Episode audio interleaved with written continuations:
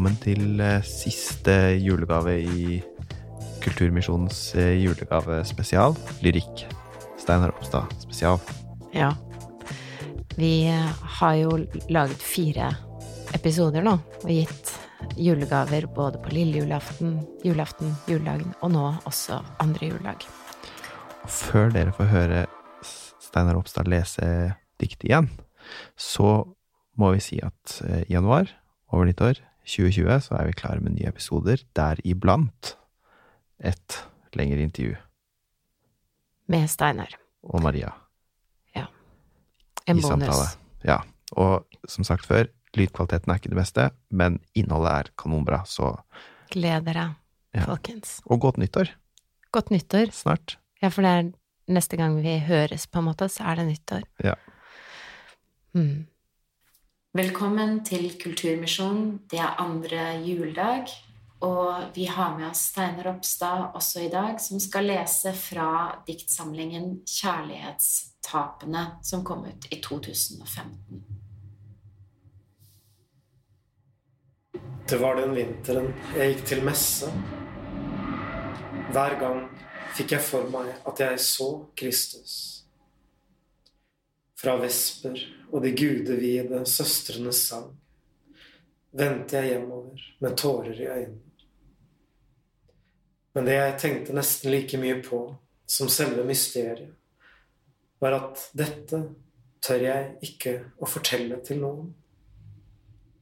Under messen begjærte jeg Kristus like intenst som en maken kropp. Og jeg gråt på samme måte som etter et dypt og skjellsettende samleie.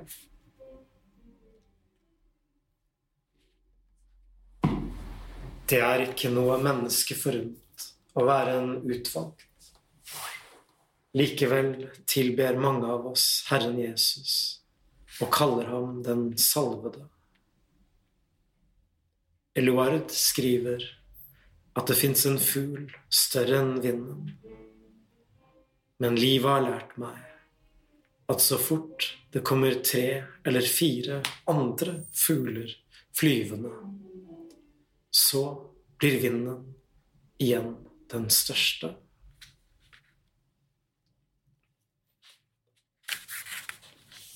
Det fins dager jeg ikke kan svare for min ensomhet. Verken til Gud eller til noe menneske. Og aller minst i diktet.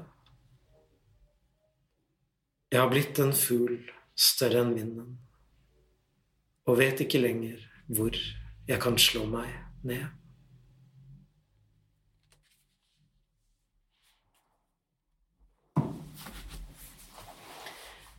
Takk, Steinar.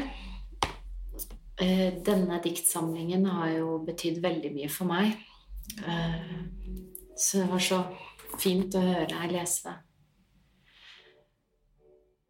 Og så lurer jeg på om du vil fortelle litt om hvorfor du valgte disse diktene nå?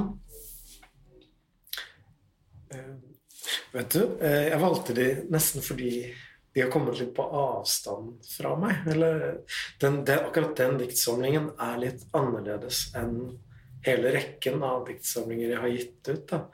Der jeg prøver på noe annet. Jeg prøver kanskje å uttrykke tanken litt mer eksplisitt. eh, eh, Og liksom sånn i forhold til ja, der, den, den boken har et mer aforistisk eh, preg. Litt mer filosofisk preg. Hva er aforistisk preg? Kan jeg spørre om det? altså at jeg prøver å uttrykke filosofiske paradokser, da. Eller eh, eh, Ja. eh, liksom i en veldig komprimert poetisk form. Ja. Det er jo en lang tradisjon for det. Som en av disse store kristne tenkerne, som Pascal, har jo uttrykt seg veldig ofte gjennom ja. aforismer. Men uh, uten sammenligning for øvrig. Men, uh, og det er jo også en tradisjon i poesihistorien. René Char, franske poeten, har også skrevet uh, aforismer som er veldig fantastiske. Og også den finlandssvenske poeten Gunnar Bjørling, som jeg har vært veldig opptatt av, har, har prøvd seg i det farvannet.